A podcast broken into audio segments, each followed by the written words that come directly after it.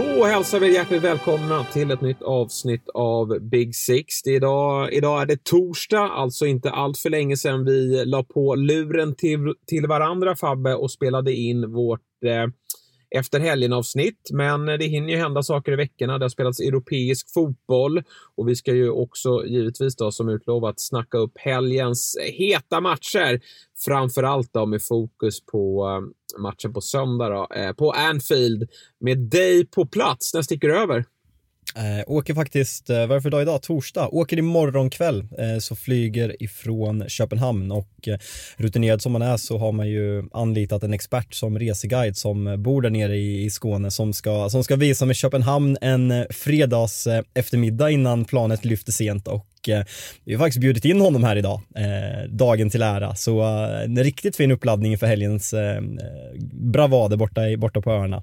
Ja, men vi kände väl att vi, vi fick göra som så. Han eh, har ju beklagat sig de gånger nu han har gästat oss i Big Six sen vi blev eh, podcast att vi bara ringer upp i samband med att det går tungt.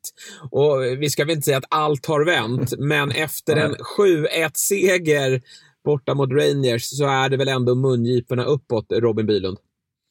Ja men det, det är det och äh, man, är, man är tacksam som sagt att man får komma in och prata en, äh, en seger åtminstone. Sen är det väl ett, eh, ett större haveri på många plan som ändå ska redas ut för att man ska känna någon form av eh, hopp inför eh, helgens eh, batalj mot City. Men självklart var var gårdagens resultat och framförallt kanske om vi tittar på ett par individuella insatser att Darwin Nunes får trycka dit den, att Mohamed Salah får komma in och göra rekordhattrick med mera. eh, viktiga detaljer i ett Liverpool som behöver kanske lita på lite briljans från några av de här spelarna till helgen. Ja, när, det, du, det finns... när, du, säger, ja. ja. men jag måste bara, när du säger ett hattrick med mera, är det den här kramen vi pratar om eller? För det har blivit ett jävla liv om den här kramen. Att det är den bästa ledaren. Vi pratar, vi pratar nya Steam Gerard i ledaregenskaper för att han kramar om Harvey Elliot för sitt första Champions League-mål. Nej, men det, där är det ju egentligen, de två har ju eh, både berömt varandra eh, åt, eh, åt flera håll under eh, de senaste åren sedan Harvey kom till klubben. Och det finns väl vissa spelmässiga likheter och utgångspositioner som har gjort att eh, Harvey Elliot har ju varit som eh, liksom, eh, en, en blöt trasa och sugit åt sig av allt som Mohamed Salah har försökt lära honom genom åren sedan han kom dit. sen är det ju fint det är ju en bild som, eh, som ändå visar på någon form av storebrors eh, egenskaper i, i just det fallet. Eh, sen, sen är det ju kul att debattera även internt supportermässigt kring ledarskap och vad en bra ledare är. Om det är den som står och pekar och skriker på mittplan eller om det är den som kanske då leder med insatser, gör viktiga mål och sen dessutom uppenbarligen är den som eh, motiverar unga spelare och det ger dem lite ja, både, både skjuts framåt i karriären och kärlek när det väl, väl går bra också. Mm, vi kommer ju att eh, prata mer om Liverpools insats eh, lite senare här i, i, eh, vårt avsnitt. Men jag tänkte att vi börjar med ett litet, eh, bredare, en bredare diskussion eh, och landa lite i kampen kring eh, topp fyra och eh, vilka lag vi, vi tror på där. Eh, Liverpool, Robin, har ju halkat efter, ehm, eh, får man ju lugnt sagt säga. Ingen eh, bra start överhuvudtaget. Vad kliver du in med för eh, känsla resten av säsongen nu och vilka ambitioner tycker du att Liverpool ska ha?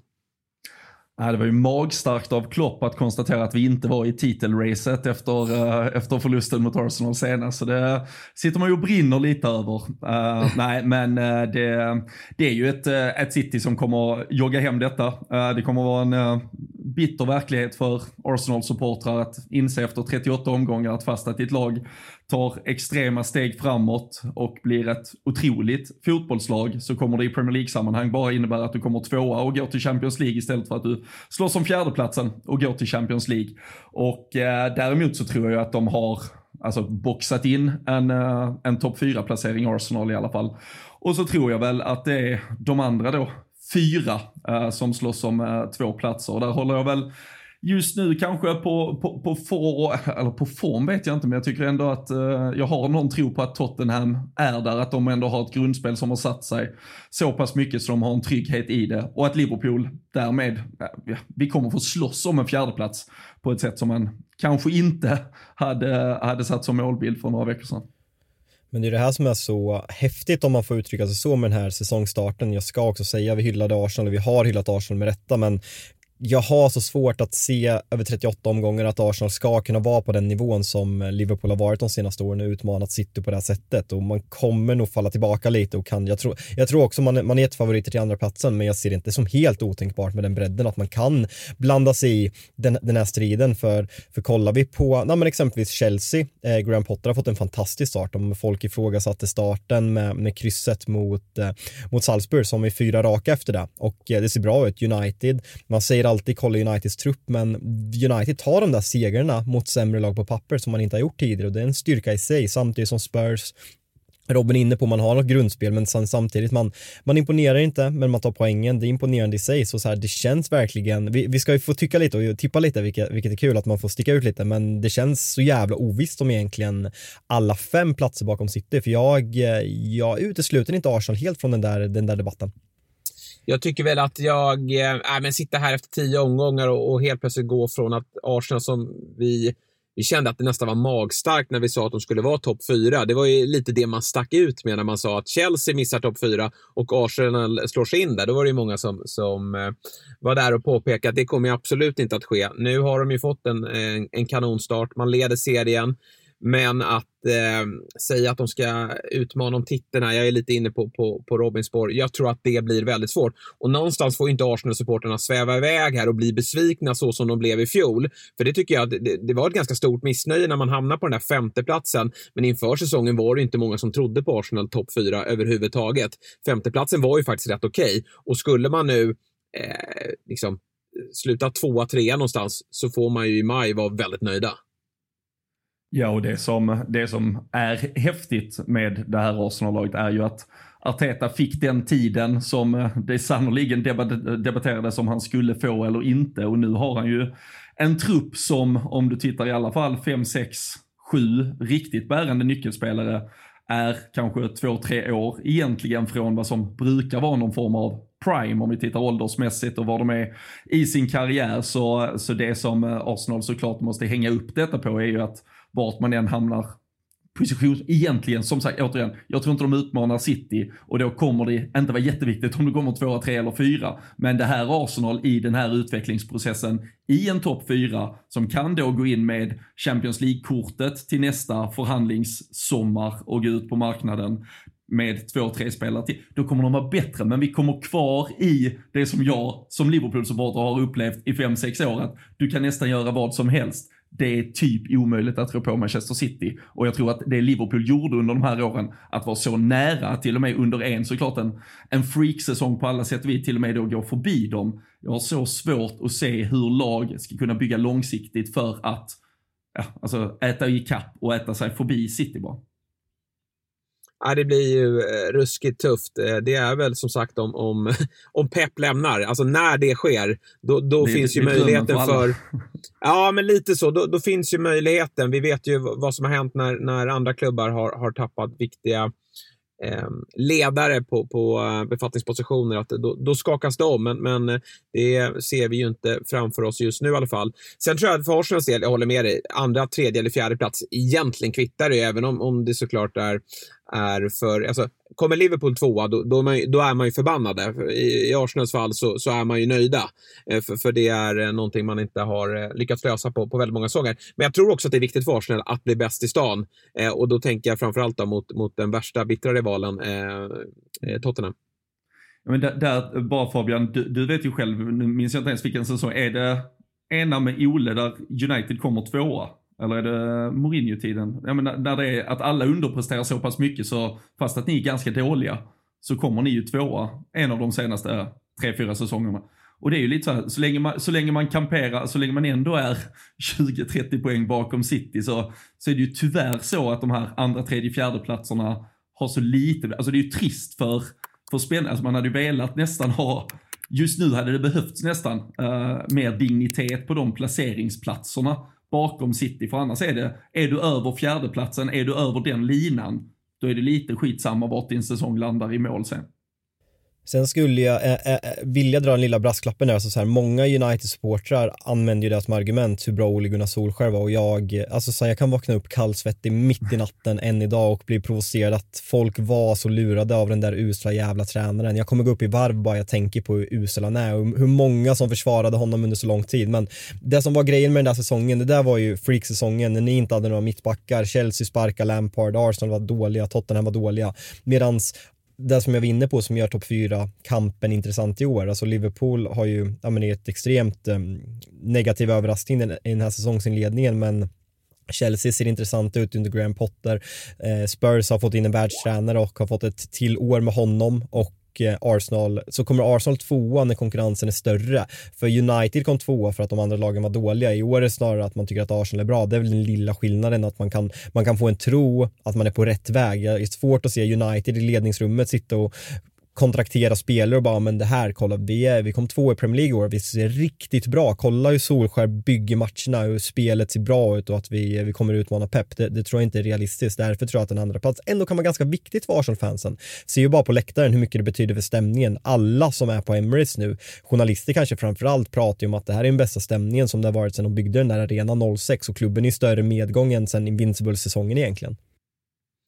Ja, och fördelen Arsenal då, kontra de övriga, det är att de inte har eh, en lika viktig Europaturnering då, som, som kommer att eh, spelas under våren när allting ska avgöras. Då. Vi har varit inne och pratat lite om, om Spurs. Eh, deras fördel i allt det är väl att eh, potentialen finns i att förbättra spelet. Vi är ju alla lite fundersamma kring Spurs höst. Vi tycker att det inte, vi får säga emot Robin, men vi tycker väl inte att det har varit en, en fullträff rent spelmässigt. Det, är, ehm, det flyter inte riktigt så som man, man hade förväntat sig. Man har ju fått in riktigt bra spelare här under, under sommaren och det finns en del eh, individuella spelare som har kommit upp i nivå. Jag tänker på Harry Kane, men några andra då, eh, Son eh, framförallt, som inte riktigt har ehm, eh, fått träff fram tills igår då kanske. Eh, vad, vad, känner du kring eh, Spurs, Robin? Är det Finns höjden där att, att utmana City bättre än vad Arsenal kan göra till exempel? När man utmanar City, det, det, det, det, kommer ingen göra. Så det, det, är en, eh, det är ingen diskussion tror jag att, att ta. Det som imponerar med Tottenham och det är kanske, kanske man är extra färgad då som, som Liverpool-supporter och ser oss släppa in igår då första målet i 17 av 20, 21 eh, senaste matcherna.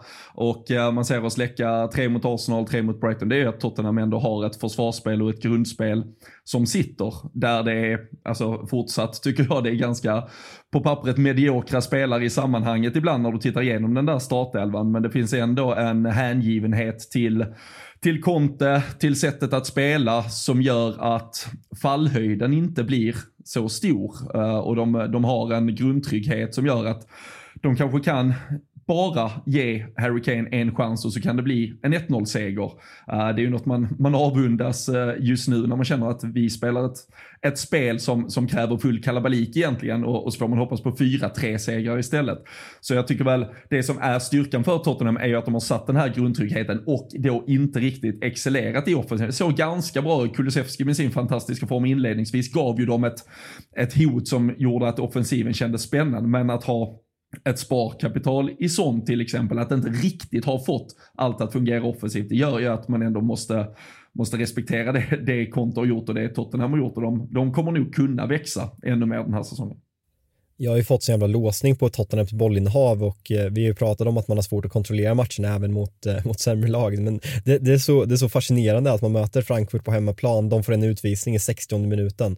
Äh, ändå har Spurs 52% boll i den här matchen. Och det är så, här, det, det, är så olikt den, den vägvinnande fotbollen som den ser ut i många klubbar 2022, att många använder possession som en del av försvars, försvarsspelet och att man, Men... de, de ledande klubbarna i egentligen alla ligor, det är samma, alltså som om vi bara går till Sverige, alla pratar om att de vill gå den här vägen, att systemtränare vinner medan Mourinho-typen är daterad. Conte går ju verkligen emot det här och det är häftigt på något sätt att han, att han får poäng och man ifrågasätter det. Det är väl för att man, man är van med, med andra och så här, det, det är ju charmigt på, på sitt sätt, det måste ändå sägas. Ja, men titt, tittar, du på, tittar du på startelvan som, som man oftast har gått med, alltså där är egentligen inte otroligt många spelare som, som du faktiskt vill ska ha så jäkla mycket boll. Det är ju det är inte så laget är byggt. Och det, det, kan jag ju titta på när jag tittar på ett Liverpool just nu som har väldigt mycket problem med sitt mittfält. Ja, vi, vi är ju klart mycket bättre när vi inte låter vårt mittfält stå och vara stillastående med bollen och jag tror att Conte lite känner samma sak att där kommer inte de, de kommer inte styra och ställa matcher därifrån. Men istället kan de istället vara väldigt snabba och effektiva i sitt omställningsspel så har de en, en klart mer vägvinnande filosofi. Så det är fan, jag kan nästan uppskatta att man inte bara vill stå och datta med bollen när man inte kanske har den kvaliteten som krävs för det. Det som blir intressant nu det är ju att många av de, utav de här klubbarna inte har mött varandra ännu. Eh, jag tänker City har ju eh, visserligen mött Manchester United, men med all respekt av Fabbe så, så är väl inte riktigt de i den, eh, i den stora kampen, även om de är före Liverpool. Då. Men, men nu kommer ju de här lagen att börja ställas mot varandra och då kommer vi få en hel del svar, för det är ju en, en, en viss sak att, att åka och, och tvåla dit Brentford på bortaplan, men en annan sak att gå upp i de här matcherna Eh, där det ja, men är en helt annan, eh, helt annan kvalitet på motståndet. Känner du Robin att ditt eh, nu möter ni City till helgen, men Liverpool har inte mött särskilt många lag i toppstriden. Är det någonting som du tror kanske kan gynna Liverpool, att ni nu kliver in i stormatch och att ni får någon form av energi i det?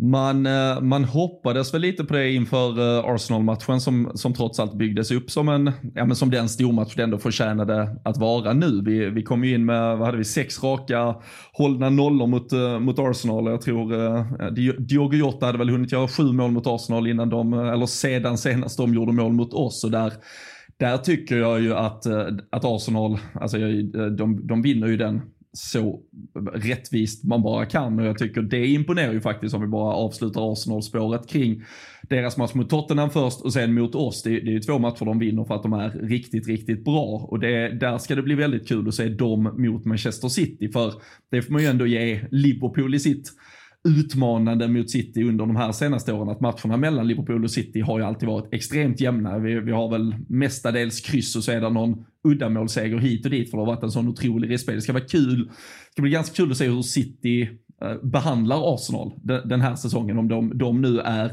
lagen som åtminstone en tid till går upp mot varandra i, i det racet. Men, men för Liverpools del så tror jag ju bara det finns en växel, vilket kan, om man tror att man är lika bra som City, vilket för ett halvår sedan så var vi det. För tre månader sedan besegrade vi dem i Community Shield. Vi måste ju tro att vi är så pass bra så att vi kan spela en fotbollsmatch mot City över 90 minuter och besegra dem. Men är vi inte försiktiga här, om vi inte lägger på ett lag och försiktighet som inte har behövts för, alltså då kan det ju bli riktigt, riktigt blodigt. För det här försvaret imponerar inte ens mot Rangers borta igår och de har inte gjort det i Premier League överhuvudtaget genom hela säsongen.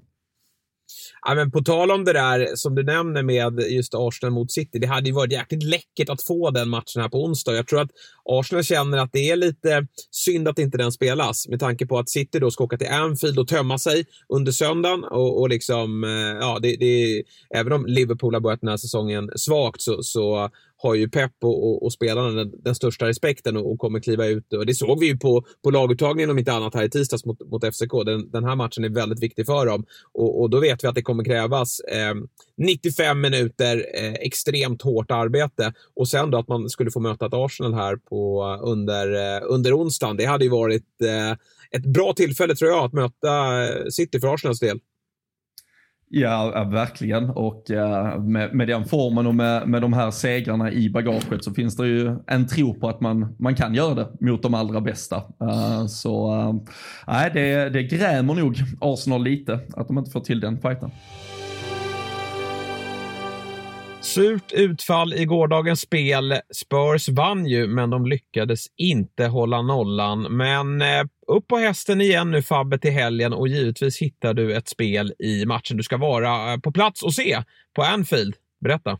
Ja, nej, men jag teasade ju faktiskt om den här redan i tisdags och det känns eh, som ett spel som är rätt väg att gå. Och eh, jag, det, det, är såklart extra kul att eh, jobba in den här när man, när man är på plats på Anfield och jag tror att Eh, trots vad Robin har sagt i det här avsnittet och att han är lite positiv efter 7-1 mot Rangers att eh, City kommer vinna den här matchen till, eh, tämligen enkelt. Och jag tror att eh, en, vi får ändå säga en stekhet Phil Foden kommer göra mål. Och eh, den här dubben bort hos ATG ger 4,60 och eh, precis som vanligt hittar ni den här på eh, dob.one snedstreck big six. Glöm inte att eh, du måste vara 18 år för att få spela och upplever du problem med ditt spelande så finns stödlinjen.se till hands.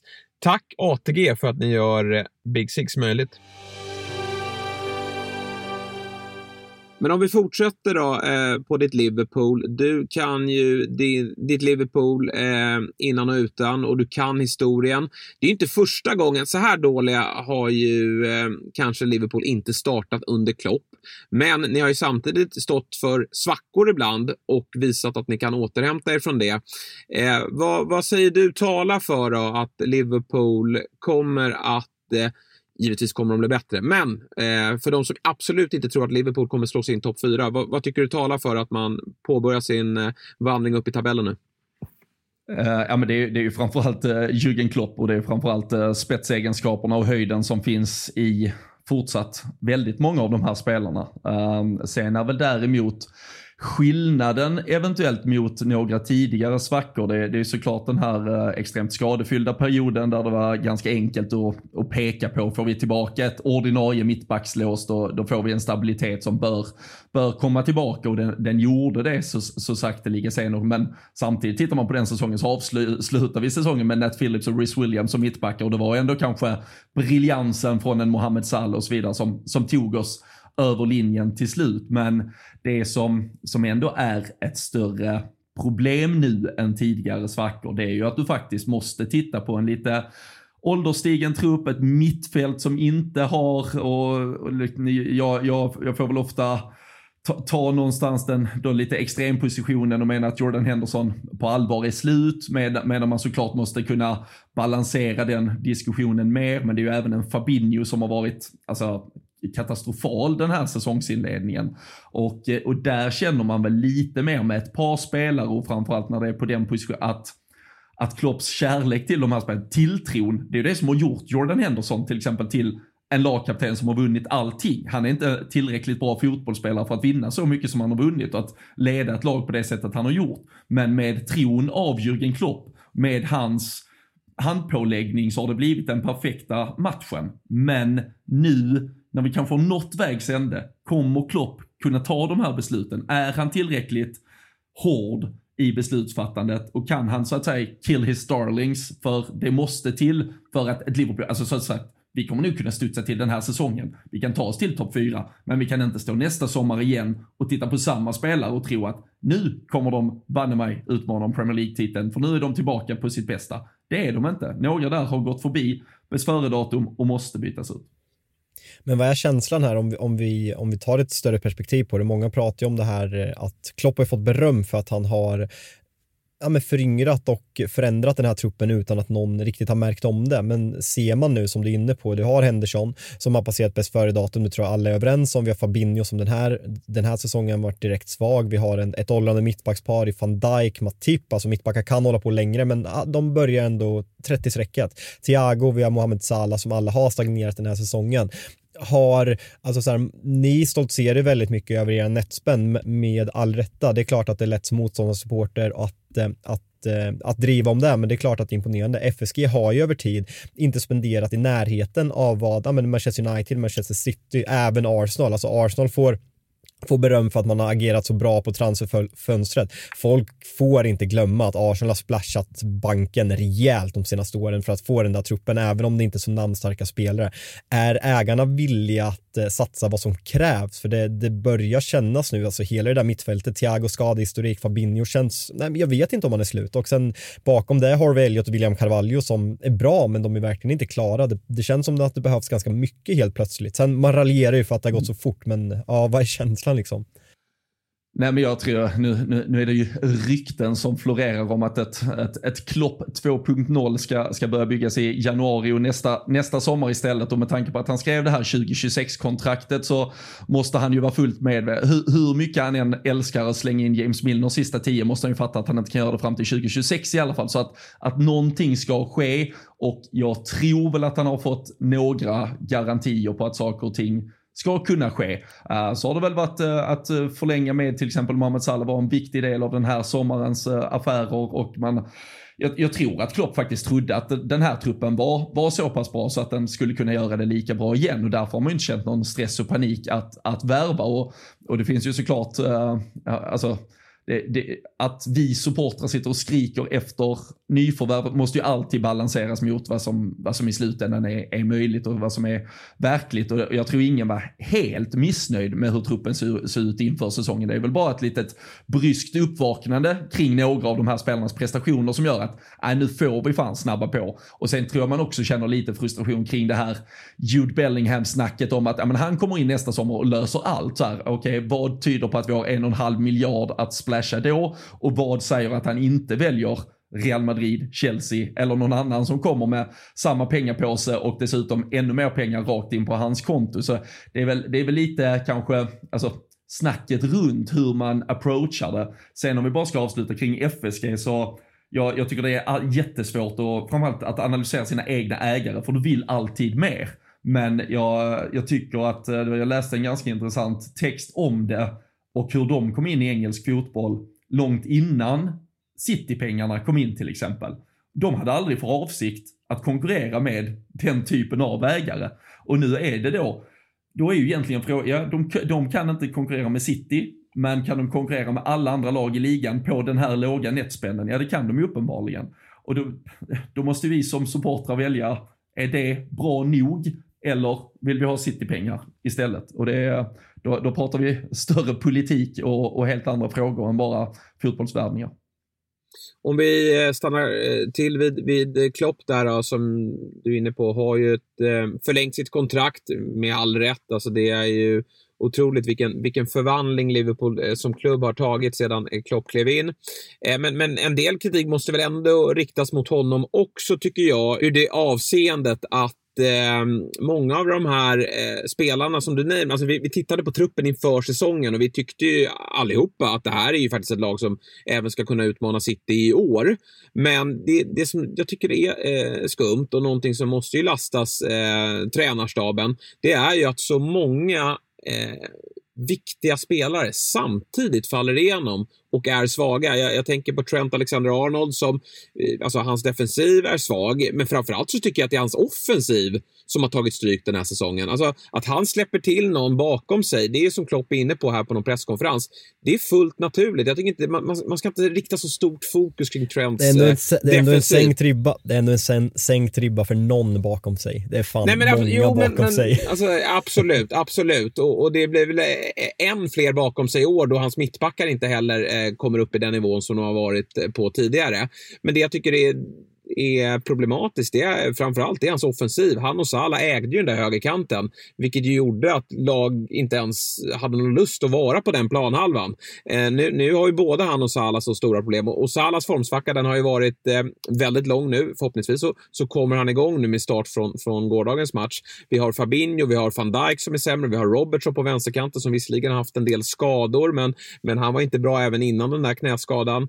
Eh, och, och sen Thiago skadeproblem finns där. Och, och då undrar man liksom, vad, vad, har, man, har man belastat fel eller är det någonting som, som saknas i, i ledarstaben som gör att man inte får fart på de här spelarna?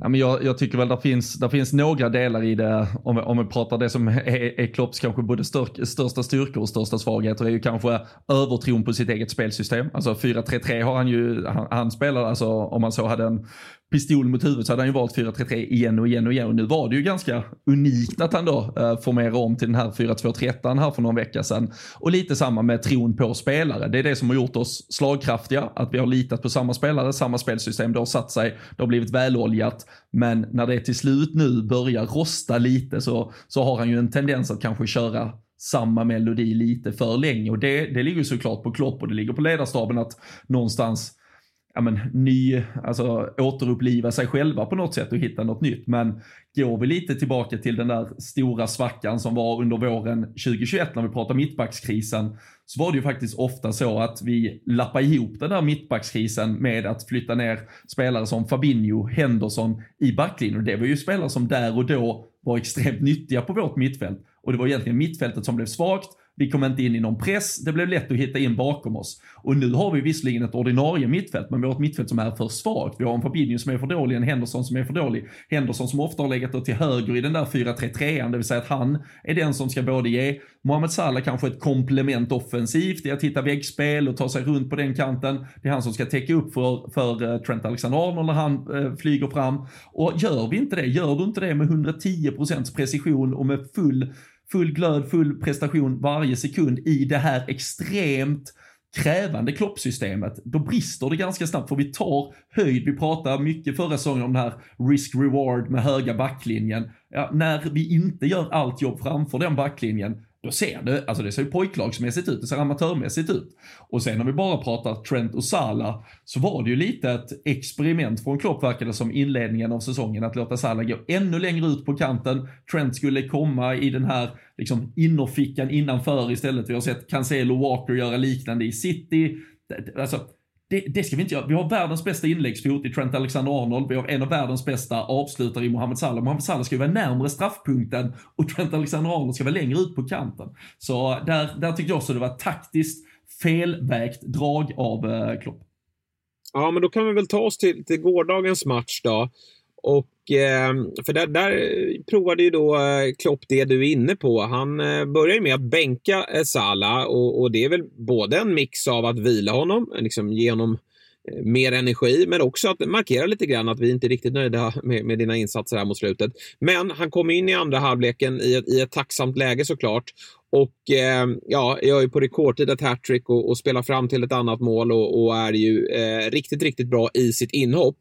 Och då menar ju du, liksom många andra, för att han är i en roll där han är närmare mål. Tror du att det är lösningen på, på Salas formsvacka?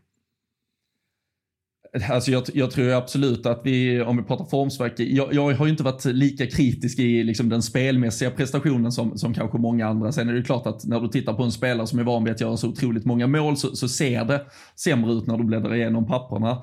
Och eh, det är klart att jag vill ha Salah närmare mål. Jag vill ha honom involverad i fler situationer. Sen var det ju många som nu då direkt kanske vill putta in han i den där ehm, eh, alltså offensiva spetsen i den här 4-2-3 att han kanske ska vara till och med den centrala utgångspunkten där. Det som jag tycker talar lite emot det. Nu får vi väl se hur Klopp väljer att balansera laget, men det är ju att Firmino dels gör en helt fenomenal insats i, i sin roll. Han har ju haft en otrolig säsong i, i det som annars varit ett ganska mörkt Liverpool. Och sen att Darwin Nunes äntligen får sitt mål och, och tittar vi på minuter, ja, han får också utstå sin del kritik här får man såklart jämföra honom mot en Håland i stort sett. Det var de som var de stora miljardvärvningarna inför säsongen. Men tittar du på minuter, jag tror han har typ fyra mål på 400 minuter ungefär, så han snittar ju nästan ett mål per 90 minuters match han egentligen har spelat Det har varit väldigt hattig inledning. Så i min värld, alltså i min, min drömvärld så är det ju ändå en 4-2-3-1 med Firmino bakom Darwin och så Salah ute på sin högerkant, där han utgår ifrån. Jota går på vänsterkanten, men att han såklart måste få flytta in mycket mer i det spelet och att han inte isoleras ute på kanten. Jag tycker att det där, det du är inne på med Darwin Nunez håller jag med om. Vi hyllade faktiskt honom i, eh, i tisdagens avsnitt och sa jag tycker han är bäst på plan i, i Liverpool i eh, stormötet i helgen mot, eh, mot, mot Arsenal. Tänkte bara höra, vad heter det, en, en Dobbekanting, Joakim Lundberg, även känd som Europaguden, var ju på plats igår. Har du fått någon rapport från, från Glasgow? Nej, ja, han, han, skickade, han skickade en bild på typ sju glas whisky en timme innan match och sedan dess, sedan dess har det varit uh, radiotysta, alltså det är radioskugga och jag tror, jag, tror inte, jag tror inte vi får kontakt med honom på ett tag faktiskt. Då låter det ju nästan som att han kanske checkade ut i paus. Eh, han lämnade arenan och, och missade andra halvlek. Eh, det låter nästan som det. Uh, där kom någon, eh, där kom någon liten uh, Instagram-bild på, uh, från slutsignal också, så han, han överlevde faktiskt, men uh, kan ha varit att uh, pappa Lundberg har uh, burit honom hem. Jag, jag, jag utgår från något sånt ungefär. Men jag, jag, köper verkligen din, din tanke kring det, kring det taktiska och, och, det är ju när Liverpool är som bäst. Just att, och, och, det här har ju verkligen potential att bli riktigt bra. Det bygger ju väldigt mycket på att ytterbackarna vågar flyga. För att om de kan ta bredd, bredd vilket vi vet att Robertson och Trent kan. Alltså de, de ska ju vara högt upp i, i dels i sitt pressspel men också kunna eh, skicka in eh, inlägg. Och Jota och Salah, det är ju centrala spelare. Så kan de gärna mm. utgå från en kant. Men, men det är ju spelare som ska vara inne i boxen där det händer. Men, men för för att allt det här ska funka, och det kanske vi har huvudproblemet, att ja, det är flera eh, som, som har lokaliserat det som ett problem, men kanske är det stora problemet, det är ju Fabinho, att han ska kunna hålla ihop det, det defensiva då och, och eh, Eh, ja, vara en, en mur för, framför backlinjen, i synnerhet då när alla stormar framåt. Nej, och det, allting bygger ju på att ge den balansen defensivt eh, och eh, att låta, exakt som du är inne på, de här spelarna offensivt få flyga fram. Nu kommer vi få en lite mer balanserad högersida. Det lär väl bli Joe Gomez som får förtroende mot City igen då efter att han ersatte Trent nu i veckan. Gör ju faktiskt väldigt tuff, tuff inledning på matchen men kommer in i det bättre och han flyger ju faktiskt fram på kanten en gång och gör det där eh, inspelet till, eh, vad blir det, för minus 2-1 mål. Och eh, sen är ju jag också i alla fall en av de som är väldigt, väldigt glad över att se Andy Robertson tillbaka i spel. Jag, jag tycker det, där blir det också lite så här om man ändå tittar på, på höjden som vissa spelare besitter så, så var det ganska snabbt ändå att folk lite kritiserade Robertson och tänkte ja, men vi, vi har ju ändå Tsimikas. Men, men när du tittar lite på vad som har byggt Liverpools trots allt ganska framgångsrika år de här senaste åren så har Andy Robertsons just alltså attack, det här ånglokslöpandet på den där vänsterkanten har ju varit vital i det. Det är ju den som har hela tiden pushat in oftast Sadio Mané centralt i banan och det krävs att en kommer utifrån för att få in den här extra spelaren i boxen. Och eh, där är ju Robertson en garant för att vi, vi får det och sen åker han ju också tillbaka varje gång. Så hans eh, inhopp här eh, gladde mig otroligt mycket för jag tror att det ändå tyder på att han startar mot City och det är också en eh, jävligt välbehövlig boost inför det mötet. Men Andy Robertsons, hela hans karriär, eller så här, alltså han hade ju klassat som en av världens absolut bästa ytterbackar. Det, det gör han och har gjort, men han har ju kommit lite i skymundan för att ni kanske haft den bästa de senaste fem åren på den andra kanten. Eh, och ja, hans siffror, som du säger, vi tog upp någon statistik som de visade att Liverpool förra året, när man överlägsen på press på offside planhalva, i år låg man 11 för tre omgångar sedan. Där tror jag att Robertsons eh, frånvaro och hans, alltså lite decline i form har varit väldigt påverkad, för han, han är en jävel på att sätta den där första pressen och gå upp i ryggen på sin sin, eh, på sin gubbe. Men det som, det som Jesper var inne på, jag är också lite, alltså så här, jag har verkligen svårt att se det för Fabinho har ändå petat i den här 4-2-3-1 och jag tyckte man såg att när Arsenal ställde om på det här mittfältet som ofta består av Thiago och Henderson i den här taktiken, för mig kommer ju defensiv bli ännu sämre. Det är ännu sämre balans när man inte har den där skölden. Även om Fabinho är dålig så ska det ju föreställa en sköld. Spelar man med två manna sittande mittfält men Henderson som har passerat bäst före-datum och Thiago som har sina bästa egenskaper i possessionspelet. Så jag har så svårt att se balansen när man möter de här bra omställningslagen. Exempelvis. Alltså, det är bara att kolla vad Brighton gjorde med Trossard och det är bara att kolla vad, sitter ju inget omställningslag på det här sättet, men när man möter de här kvalitativa spelarna, jag tror att det kommer bli en, ja, jag vet inte vad Foden kommer, eh, det känns som Foden kommer göra både ett och två mål där ute på vänsterkanten i helgen. Nej, där, där kommer Robertson att sparka ner honom så det, det är inga, inga, inga konstigheter i så fall. Men, eh, nej, men det, det blir ju intressant. Eh, det blir jävligt intressant att se om Klopp eh, startar Henderson igen. han är ju den som har spelat mest nu också och fick väl, vad fick han, 70-75 minuter drygt eller någonting i, igår också. Så han var ju ändå ganska spelad. Thiagos eh, i korta inhopp tyder ju på att han i alla fall ska starta. Och så är väl eh, frågan om det är Fabinho eller, eller Henderson som får chansen bredvid honom. Eller om han gör, eh, gör om någonting. Det finns väl en tendens kanske just när man går in i en sån här stormatch mot City att man, man övertänker lite eller hittar tillbaka till någon, någon form av grund som man tror ska sitta lite bättre. Men äh, alltså, Thiago är ju den, den, enda som egentligen är själv och det, det är ju också det när man, när man då äh, lite äh, pekar ut en, en sån som Henderson, alltså, som jag inledde med att säga, Fabinho har ju varit som du säger exakt lika dålig. Så vem, vem han väljer av Henderson eller Fabinho till att spela bredvid Thiago om det är det valet han gör. Det, det kommer krävas att, ja, vilken, eller vem av eh, de två han än väljer kommer det krävas en rejäl uppryckning från vad de har presterat i, i ligaspelet så här långt. Vilken typ av Liverpool tror du vi får se här nu då på, på söndag mot City? Blir det ett eh, lag som, som står lågt och, och låter eh, City äga boll och, och uh, få, få förhoppningsvis svårt att, att tränga igenom? Eller är det ett Liverpool som nu, efter då en 7-1-seger och någonstans, det är en toppmatch. Det är inte ett derby, men det är en toppmatch. Och då, då, I den typen av matcher kan ju allt hända. Det ju, finns ju mycket historia. Man vann ju senast här i Community Shield. Blir det ett Liverpool som ändå liksom kliver fram med bröstet utåt och, och um, visar att uh, det här är en match vi ska vinna?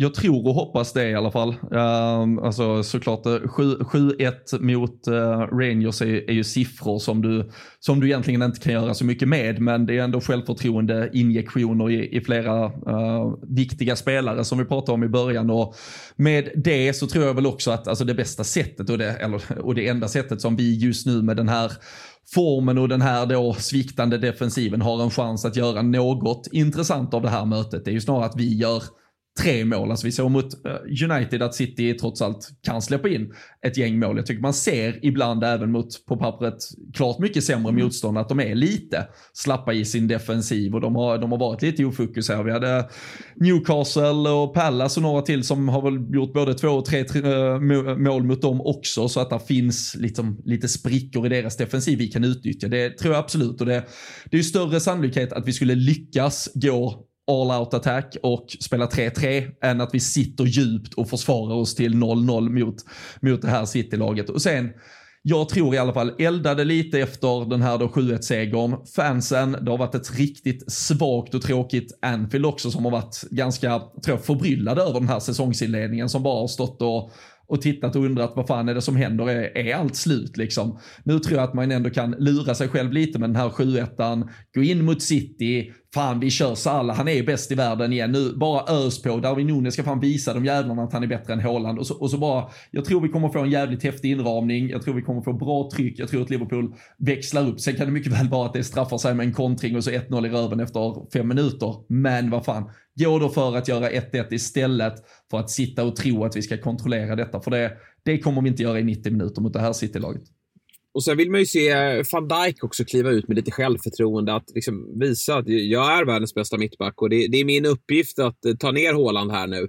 Eh, för det, det, har vi, vi har sett honom ta ner ehm, eh, väldigt stora spelare historiskt sett. Och ja, min känsla är visst, det är den där korsbandsskadan, men han har visat att han har varit bra efter den också. Och jag, jag tycker någonstans att han måste våga kliva ut med den här, eh, verkligen bröstet utåt som han alltid spelar med och, och våga hitta tillbaka till, till ja, den självklara mittback han är. Ja, och där tror jag ju det, det är såklart eh, synd att det ska krävas, men van Dijk är ju absolut en sån spelare som växer av den här uppgiften. Med, med all respekt för alla andra spelare du möter och en Trossard som till slut hittar in i en lucka och gör sitt tredje mål i en match så, så tror jag att van Dijk ändå går in inför en sån här match på ett helt annat sätt med ett utpekat mål att Erling Haaland ska inte göra fler mål. Jag ska, jag ska plocka ner honom. Vi såg honom i landskamper, de hade väl Polen med Lewandowski och vem det mer var här, där han, när han så tydligt får en spelare, det är mitt jobb. Sen ni tog sköt sköta andra, jag ska se till att han tystas i alla fall. Och eh, han eh, hade ju ganska bra koll på honom i alla fall i Community Shield. Eh, det är ju någon, något läge som Håland bränner som väl borde ha varit mål eh, när vi möttes där i alla fall. Men eh, jag, jag tror van Dijk, han ändå växer av den uppgiften och exakt som du säger, han, han måste ju kliva ut med en helt annan attityd än vad vi har sett senaste tiden motståndarna sitter då. Eh, alltid svårt såklart att, att spekulera kring 11 där, framförallt i backlinjen nu då. Akanji har gjort det bra eh, sen han eh, anslöt. Eh, riktigt bra tycker jag att han har varit. Eh, men Laporte är tillbaka. Vi har eh, Diaz där givetvis. Vi har eh, Walker avstängd. Hur, hur, tror ni backlinjen formeras? Gomes eh, gjorde inte jättestarka minuter här mot eh, FCK direkt. Jag eh, väljer att ta på mig pepprollen här och säga att Laporte spelar vänsterback. Eh, Akanji och Diaz mittbackar och mm. Cancelo högerback. Och sen, vi kan väl lika gärna köra hela laget när vi ändå är i, ja. i, i, igång. Men det, det ska ju eh, sägas där bara för att det, det, är ju inte så heller att du uppfinner något uh, revolutionerande här. Jag tror Laporte har väl startat som vänsterback typ tre gånger mot uh, Liverpool i alla fall. Uh, det, det, kanske, det, kan, det, to, det kanske Tomiyasu-inspirerat så ska det vara en riktigt tråkig vänsterback som bara ska hålla koll på Mohamed Salah. Så, um, ja. Nej, fy fan, fy fan vad deppigt. Men sen, sen kommer det bli Rodri Gündogan Gündogan, KDB, Bernardo ute till höger, Foden vänster och eh, Haaland anfallare. Eh, ah, känns, jag är inte eh, övertygad där. Jag går emot dig. Jag tror att Gündogan får eh, kliva åt sidan här. Jag tror att det blir Rodri, eh, De Bruyne, Bernardo på mittfältet. Sen blir det Foden höger, Haaland centralt och Grealish till vänster. Mm. Ja, jag tror att, alltså, Uh, Grealish startar i alla fall på Anfield uh, senare. Då spelar de ju, de, ofta använder ju faktiskt Pep både Sterling och Jesus också mot Liverpool för att ha det här djupledshotet. Uh, så, så frågan är om han uh, vill hitta någonting som ska kunna ersätta det som de faktiskt ofta gjorde väldigt bra på att eh, straffa Liverpool i den där ytan bakom vår höga backlinje. Nu är det ju ändå, får du både eller vad säger jag, eh, Foden och Grealish så är det ju ändå spelare som kanske föredrar att få bollen på fötterna först i alla fall. Och ett Liverpool som kan komma ner en meter eller två men uh, oavsett vilket är det ju ruskigt mycket kvalitet som kan straffa oss. Ja, men alltså det är ju, jag var inne på att det skulle bli den där elvan du nämnde i, i Manchester-derbyt, men då um så var väl eh, då var Gündogan i, i eh, Rodri var out. Rod, så då, Rodri, Rodri var out. Exakt, så den sabbades då. Men nej, jag är inne på att han, han eh, jag tror Pep känner att nu när, när Grealish verkligen har, har varit bättre mot slutet, då tror jag att han vill fortsätta ge honom eh, speltid för att bygga vidare på det. Men det är klart att nu har ju Mares eh, också, ja, missade visserligen straff här och fick kliva av efter en halvtimme. Han fick ju bära hundhuvudet när, när det, när röda kortet eh, visades då mot, mot FCK. Men jag tycker han gjorde en ganska bra match här mot Southampton. Men han är ju den som, som eh, är eh, tveklöst eh, från start på bänken. Men, men eh, sen är det då Gündogan eller Grealish som är det stora frågetecknet. Men det blir en jäkla häftig match och jag känner att för, för mig som, som verkligen är neutral och, och um, eh, inte kliver in med några ingångsvärden här. Det gör ju ändå du Fabbe. Men jag kände att det var, det var skönt att Liverpool, det finns ju att Liverpool skulle vinna borta mot Rangers. Det, det, det räknade jag med även om, om första halvlek var, var direkt svag. Men, men det finns ju olika sätt att vinna på och att få en 7-1 och 3 plus 1 på Salah eh, under, under 20 minuter. Det är, eh, det är en fin känsla att kliva in med eh, på söndag 17.30. Ja men verkligen. Som sagt, det var, det var, det var, det var ju såklart ett viktigt resultat också, bara att få segern i alla fall. Men, men sen att det rinner iväg så är det ju på sättet det görs, på spelarna som får, får poängen. Uh, Diogo Jota ligger ju bakom faktiskt eh, assist till alla tre målen på, så, så han hade väl 9 eller 10 assist på sina 18-19 senaste matcher också, så det har ju blivit lite mer av en, eh, en framspelare. Målskyttet har ju eh, lite lyst med sin frånvaro, men, men att, att spelare ändå får känna att eh, nu det, det lossnar lite. Sen, sen är det väl lite oroväckande att jag tror 52% av våra mål den här säsongen har kommit mot Bournemouth och Rangers, så vi ska väl börja sprida ut några mot lite tyngre lag också innan vi ska vara helt nöjda. Jo, men alltså, jag tycker det är bra att Jota har blivit lite mer av en framspelare, för egentligen så är ju inte behovet av en målskytt när eh, Nunez finns där framme. Alltså det är bara att kolla på Nunez siffror. Det kommer att börja smälla där. Nu har han ju haft en, en lite småstökig start med det här röda kortet, men, men i övrigt så han kommer ju till lägen och han har visat att han är en bra avslutare. Så att, jag, jag, tycker att man, man ska fortsätta pumpa honom och så får ju Firmino, eh, så het som han är nu, vara i den droppande rollen. Så det, det, det kan ju bli alla fyra då från start. Är det det vi Tror? Det, så, nej, tror, tror och tror, det, det vet jag Så hade jag startat i alla fall. Jag hade spelat mm. Jota till vänster, Salah höger, uh, Firmino droppande bakom Nunes. Och så hade jag valt Fabinho Thiago på mittfältet, uh, Joe Gomez till höger, Robertson in till vänster, uh, Konate och van Dijk i mittlåset. Så uh, ska det nog fan kunna bli lite match av detta. Fan, hör, hör, man på, hör man på Robin här att han börjar tro på det här? Jag, eh, jag, jag, börjar känna, jag börjar känna att jag, jag, har tankarna på att vi ska sitta i Köpenhamn, ta några öl imorgon, flyga över, sitta på pubbarna. Då, då tror jag alltid att vi vinner med 5-0. Så det, det är inga konstigheter. Du börjar jag... låta som Jalkemo efter en 1-0-seger borta mot Bournemouth. Och det är väl det finaste vi har i supporterskapet, att vi är så jävla dumma i huvudet. ja, ja, verkligen. Jag, jag, jag har ju faktiskt spoilat här i Big Six att du har utlovat ett, ett dop på Sandon i, i öl eh, om ni vinner med 2-1 och Henderson avgör. Eh, så jag kommer lägga ett spel på det här på ATG såklart. Ja. Och jag kan, eh, jag kan faktiskt gå så långt, det, det behöver inte vara 2-1. Om Jordan Henderson avgör uh, matchen så vi vinner mot City, då, då blir det dopet på Sandon till Braut Bylund. Eh, ett lag vi inte har pratat så mycket om idag då, och de är i allra högsta grad med i det här topp 4-racet. Nej, det är inte Manchester United, Fabbe, utan det är Chelsea som ju eh, fortsätter att trumma vidare här under Graham Potter. De får ju eh, en hel del medvind eh, i, i matcherna.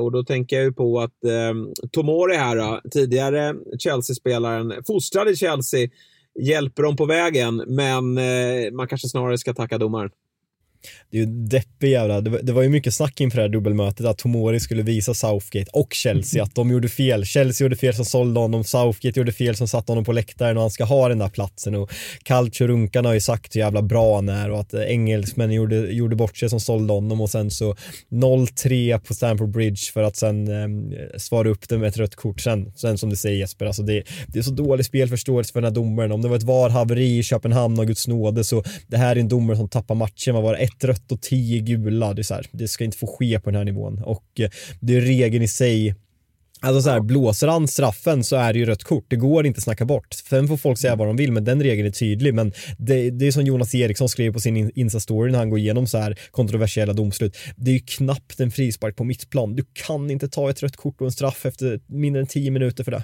Nej, och, och framförallt det du i alla fall gör, alltså steg ett som domare innan du ens börjar fundera på om du ska ta ett beslut. Du, du hinner ju ändå se reaktionerna. Och alltså, eller vem är det, Mount som går ner i det? Mount. Alltså, det är ju ing, ja, men det är ingen som, som skriker på. Alltså Mount sitter ju på knä och, och reser sig upp och blir chockad av att se Alltså handen pekas mot, mot pung. Man ser några re, reprisbilder på Potter till exempel när han är igenom. Han drar ju bara händerna i huvudet över att han missar ett friläge. Typ bara, ah vad fan liksom. Det är ju ingen som vill ha straff och då får du inte som domare hitta straffen. Alltså ska, du ska bara ta beslutet om någon känner ett behov av att det tas ett beslut. När det inte ens ja, krävs ett beslut så bara spela vidare. Det är, det är så dålig spelförståelse så det, ja, tyvärr finns det, får vi se det alldeles för ofta, men det ska ju inte få hända på den här nivån.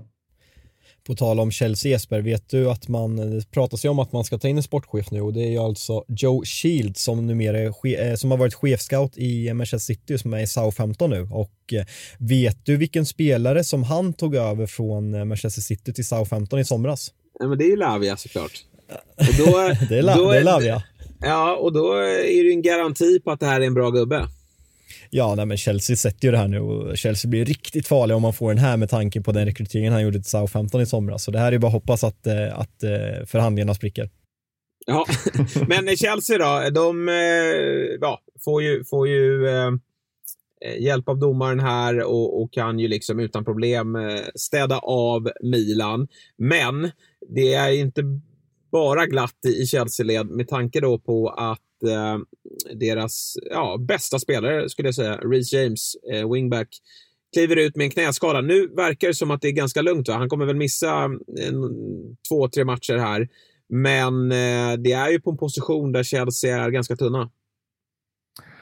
Ja, jag vet, jag vet, inte ens hur de eh, resonerar där. Blir det Loftus Cheek som eh, kommer få spela lite eh, vinge istället? Eller om man spelar Aspilicueta där beroende på vilken balans man vill ha i det. Så det är ju klart ett Chelsea som påverkas av det. Sen har väl Potter visat med, med all sin tid i Brighton att det, det, han verkligen har är ju taktisk flexibilitet och kan lite titta på både motstånd och tillgängliga spelare för att sätta upp ett lag. Han är ju klart mer flexibel än, än många andra tränare som idag är så extremt trogna, liksom både filosofi och även leken med siffror så att säga. Där, där har ju Potter faktiskt eh, något lite smått unikt tycker jag, där han tittar väldigt mycket mer. Det, det är väl också kanske något som kommer med mer tid i en storklubb. I Brighton var han kanske tvungen att göra det lite mer, att titta på motstånd och ställa upp laget därefter och utifrån det. Men tycker också ändå han har visat inledningsvis här att han eh, är beredd att gå runt på en del spelare, göra formationsändringar och, och ta matchen lite, ja, eller verkligen ta så att säga match för match beroende. Så han kommer säkert hitta lösningar ändå här. Men känslan när den här, alltså dels när det hände, eh, tills att, eh, tills att eh, det indirekt kom ut bekräftat att det bara kommer missa två till matcher. Han snackas väl om att han ska vara tillbaka till United om två, tre veckor. Eh, det är hela Chelseas säsong. Så viktig är Reece James i det här systemet när, när han spelar den där wing, antingen om man spelar wingback, höger mittback, han är så vital för det där laget så alltså, läget är just nu. Loftus Cheek, man kan spela Aspi där ute, man kanske hade kunnat gjort, gjort om Sterling, men jag säger att det här är skillnaden mellan att Chelsea är favorit att sluta topp fyra som jag tycker att man är med Reece James, till att man är favorit att sluta utanför. Så det här, det här är jätteviktigt och det är mycket snack med Englands högerbacksplats som han, han har gjort den här platsen till sin efter mycket om och men är känslan inför VM. Det var ju, ja men folk var väldigt rädda att han skulle missa VM, så det är skönt både för Chelsea och för Reece James och för England att det inte verkar vara så allvarligt. Nej, och eh, som du är inne på här med flexibiliteten Robin, eh, det kan ju bli att det blir en, en, en fyrback här då, i, i matcherna fram till dess att Reece James är tillbaka. En spelare som han började med att bänka, men som nu är inne i elvan och han är ju där för att stanna. Det tycker jag är Koulibaly ändå. Jag tycker han visar här vilken, vilken eh, ja, men otrolig mittback han är eh, så robust i, i, ehm, i duellspelet, eh, positionssäker, men också absolut tillräckligt bra fötter för, eh, för Potters fotboll. Så att eh, Koulibaly, där har man ju fått in en, en, eh, en vass mittback. Ja, och där kan man ju också säga, jag tycker det blir, blir så talande när man ser, ofta när man ser de här eh, Champions League-matcherna mellan engelska och eh, italienska lag, och då får väl jag citerar Fabian och kallar dem calciorunkare och eh, absolut inte mina egna ord men eh, de får ju lite ursäkta när man ser att ett, ett Chelsea då, som då ställer upp med kanske Milan, alltså, ja, nu finns det såklart en eh, Maldini, Baresi med flera, men om vi tar nutids uh, Milans kanske då bästa mittback eh, som har varit en Thiago Silva som nu visserligen till åren kommen, men det är han som startar i Chelsea och det är en Koulibaly som har varit hela Serie A's bästa mittback i ja, men de senaste 7-8 åren kanske som ja, flankerar honom i det där mittlåset för att då gå tillbaka till en Fikayo Tomori som istället ska någonstans starta sin karriär efter att ha blivit nummer 4, 5, 6 i en urvalsordning borta i England och då ska han vara stjärnan i ett, uh, ett Serie A-mästarlag. Uh, och jag tycker det, ofta så kan man hitta sådana liknelser. Vi ser en Giroud som startar vid en Divock Origi som har dumpats hos de italienska mästarna och så vidare. Så det, det säger väl lite om också den klasskillnad som idag är mellan England och Italien. Aubameyang då, har han brutit eh, tröja nummer nio förbannelsen? Eh, mål på nytt här nu, fått en bra start eh, efter att Torshäll eh, helt plötsligt försvann. Då. Är det nian som eh, Chelsea har eh, jagat eh, och nu även hittat? Nej, det är klart att det inte är. Eh, kortsiktigt, kanske. Eh, han är tillräckligt bra för att få Chelsea och slått, eh, sluta topp fyra i år, men att Aubameyang ska vara nummer nian som får Chelsea att utmana de största titlarna och göra 30 mål per säsong i den ålder han är uppe i och med den historiken i Arsenal, det tycker jag är naivt och dumt så att man ska prata om att nummer nio förbannelsen är, är bruten för att Aubameyang har gjort mål i två matcher i rad. Nej, så, så långt väljer jag att inte gå mm. faktiskt. Du hade ändå, du sa Fabian, du hade dem som favorit eh, till topp fyra så länge Reece James håller sig eh, skadefri. Vilka, är det Liverpool som eh, bränner då eller? Ja, och Spurs. United. United, United ska Nej, du kan inte kasta in United där. Nej, alltså Arsenal, Tottenham kan jag till och med acceptera. De känner jag just nu uh, är favorit faktiskt. Så jag, jag tycker att uh, vi vi behöver komma upp i, uh, i vår, den standard jag vet att vi håller och uh, jag tror att Chelsea och uh, United ändå kommer att ha, det kommer vara lite mer upp och ner med tanke på nya tränare, nya spelare, det ska, det ska sätta sig. Så ja, jag tror snarare att det är Chelsea och United som får ge vika. Alltså utan att lägga några som helst värderingar, jag bara lägger en öppen frågeställning, men har ni sett formtabellen i Premier League de senaste sex omgångarna? Nej, och inte, Nej. inte intresserad heller. Helt, o, helt ointressant. jag, jag, jag, kollar på den som, som visar tio omgångar och, och uh, där har vi inte riktigt United uh, topp fyra. Men uh, ja, vi, vi, vi, kan inte räkna bort det.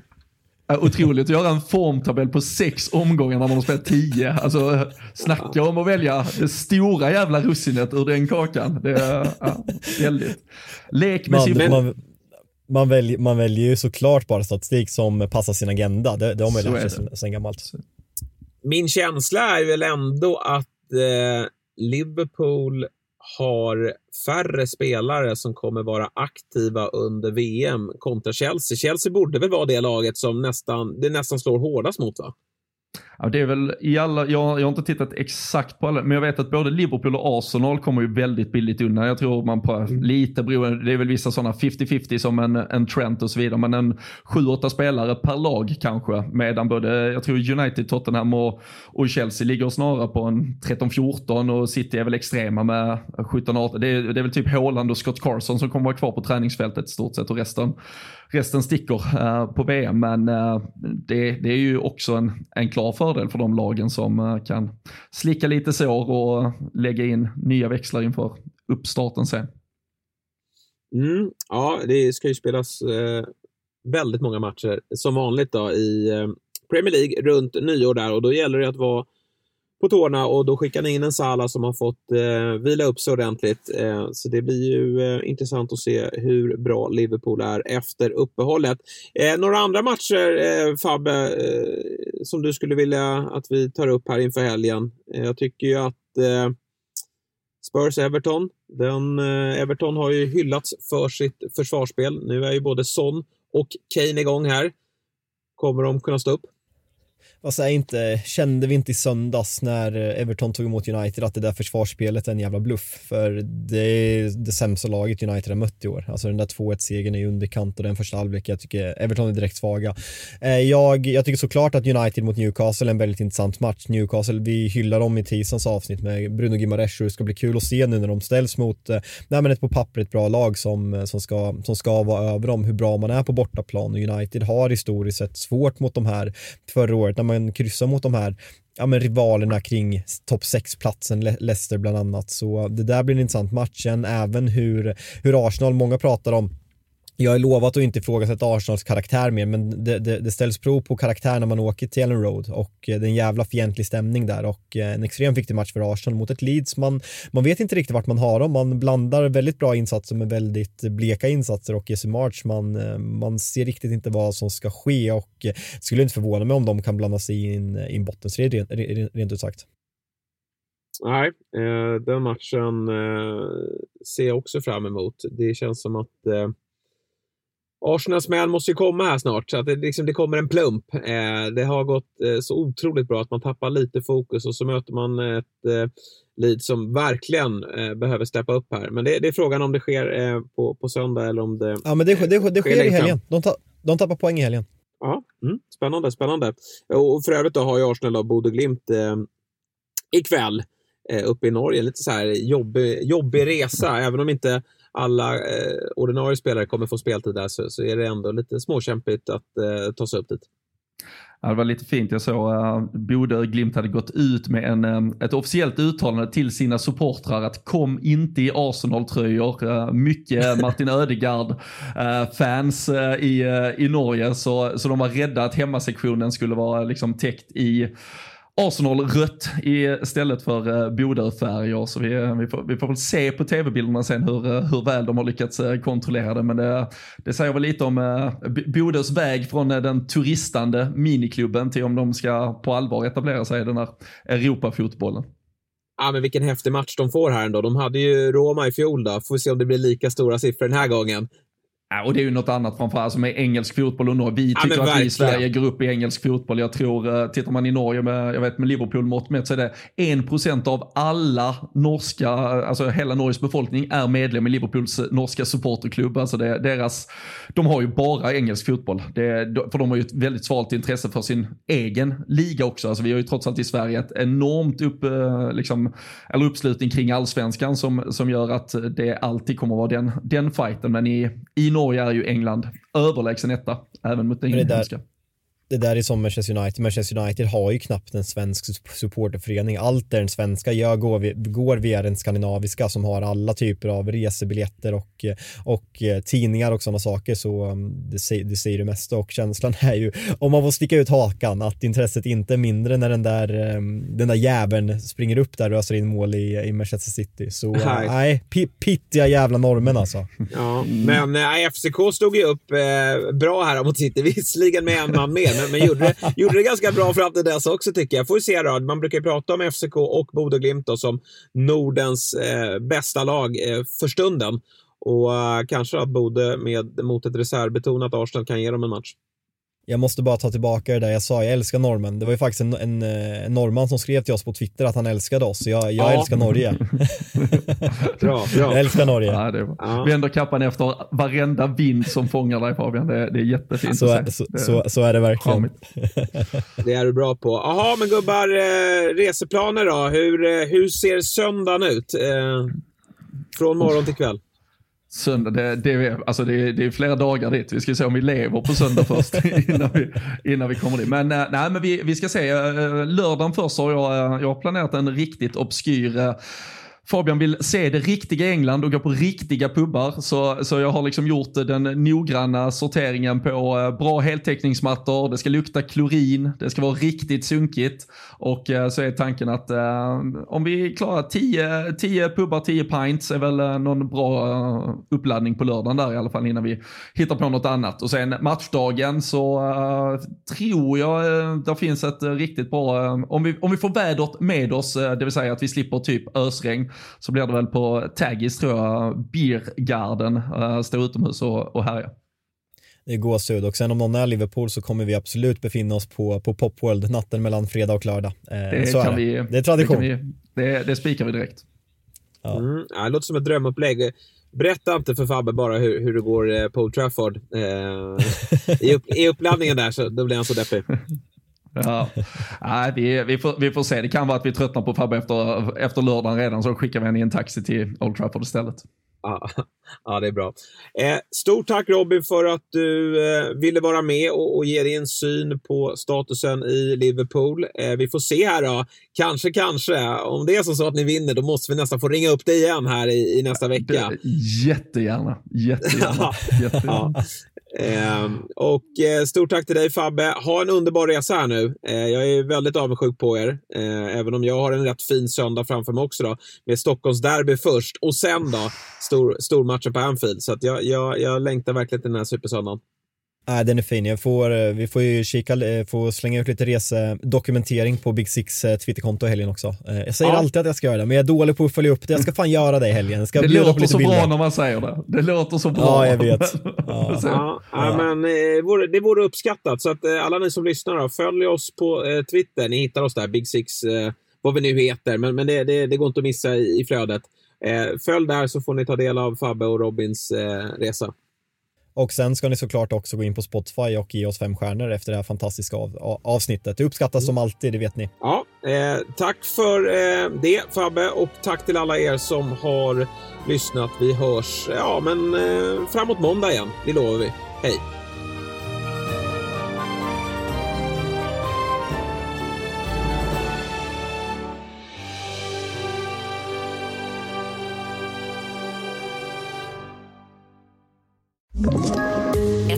Poddtips från Podplay. I podden Något Kaiko garanterar östgötarna Brutti och jag, Davva, dig en stor dos skratt. Där följer jag pladask för köttätandet igen. Man är lite som en jävla vampyr. Man har fått lite blodsmak och då måste man ha mer. Udda spaningar, fängslande anekdoter och en och annan arg rant. Jag måste ha mitt kaffe på morgonen för annars är jag ingen trevlig människa. Då är du ingen trevlig människa, punkt. Något Kaiko, hör du på Podplay. Därför är gardinerna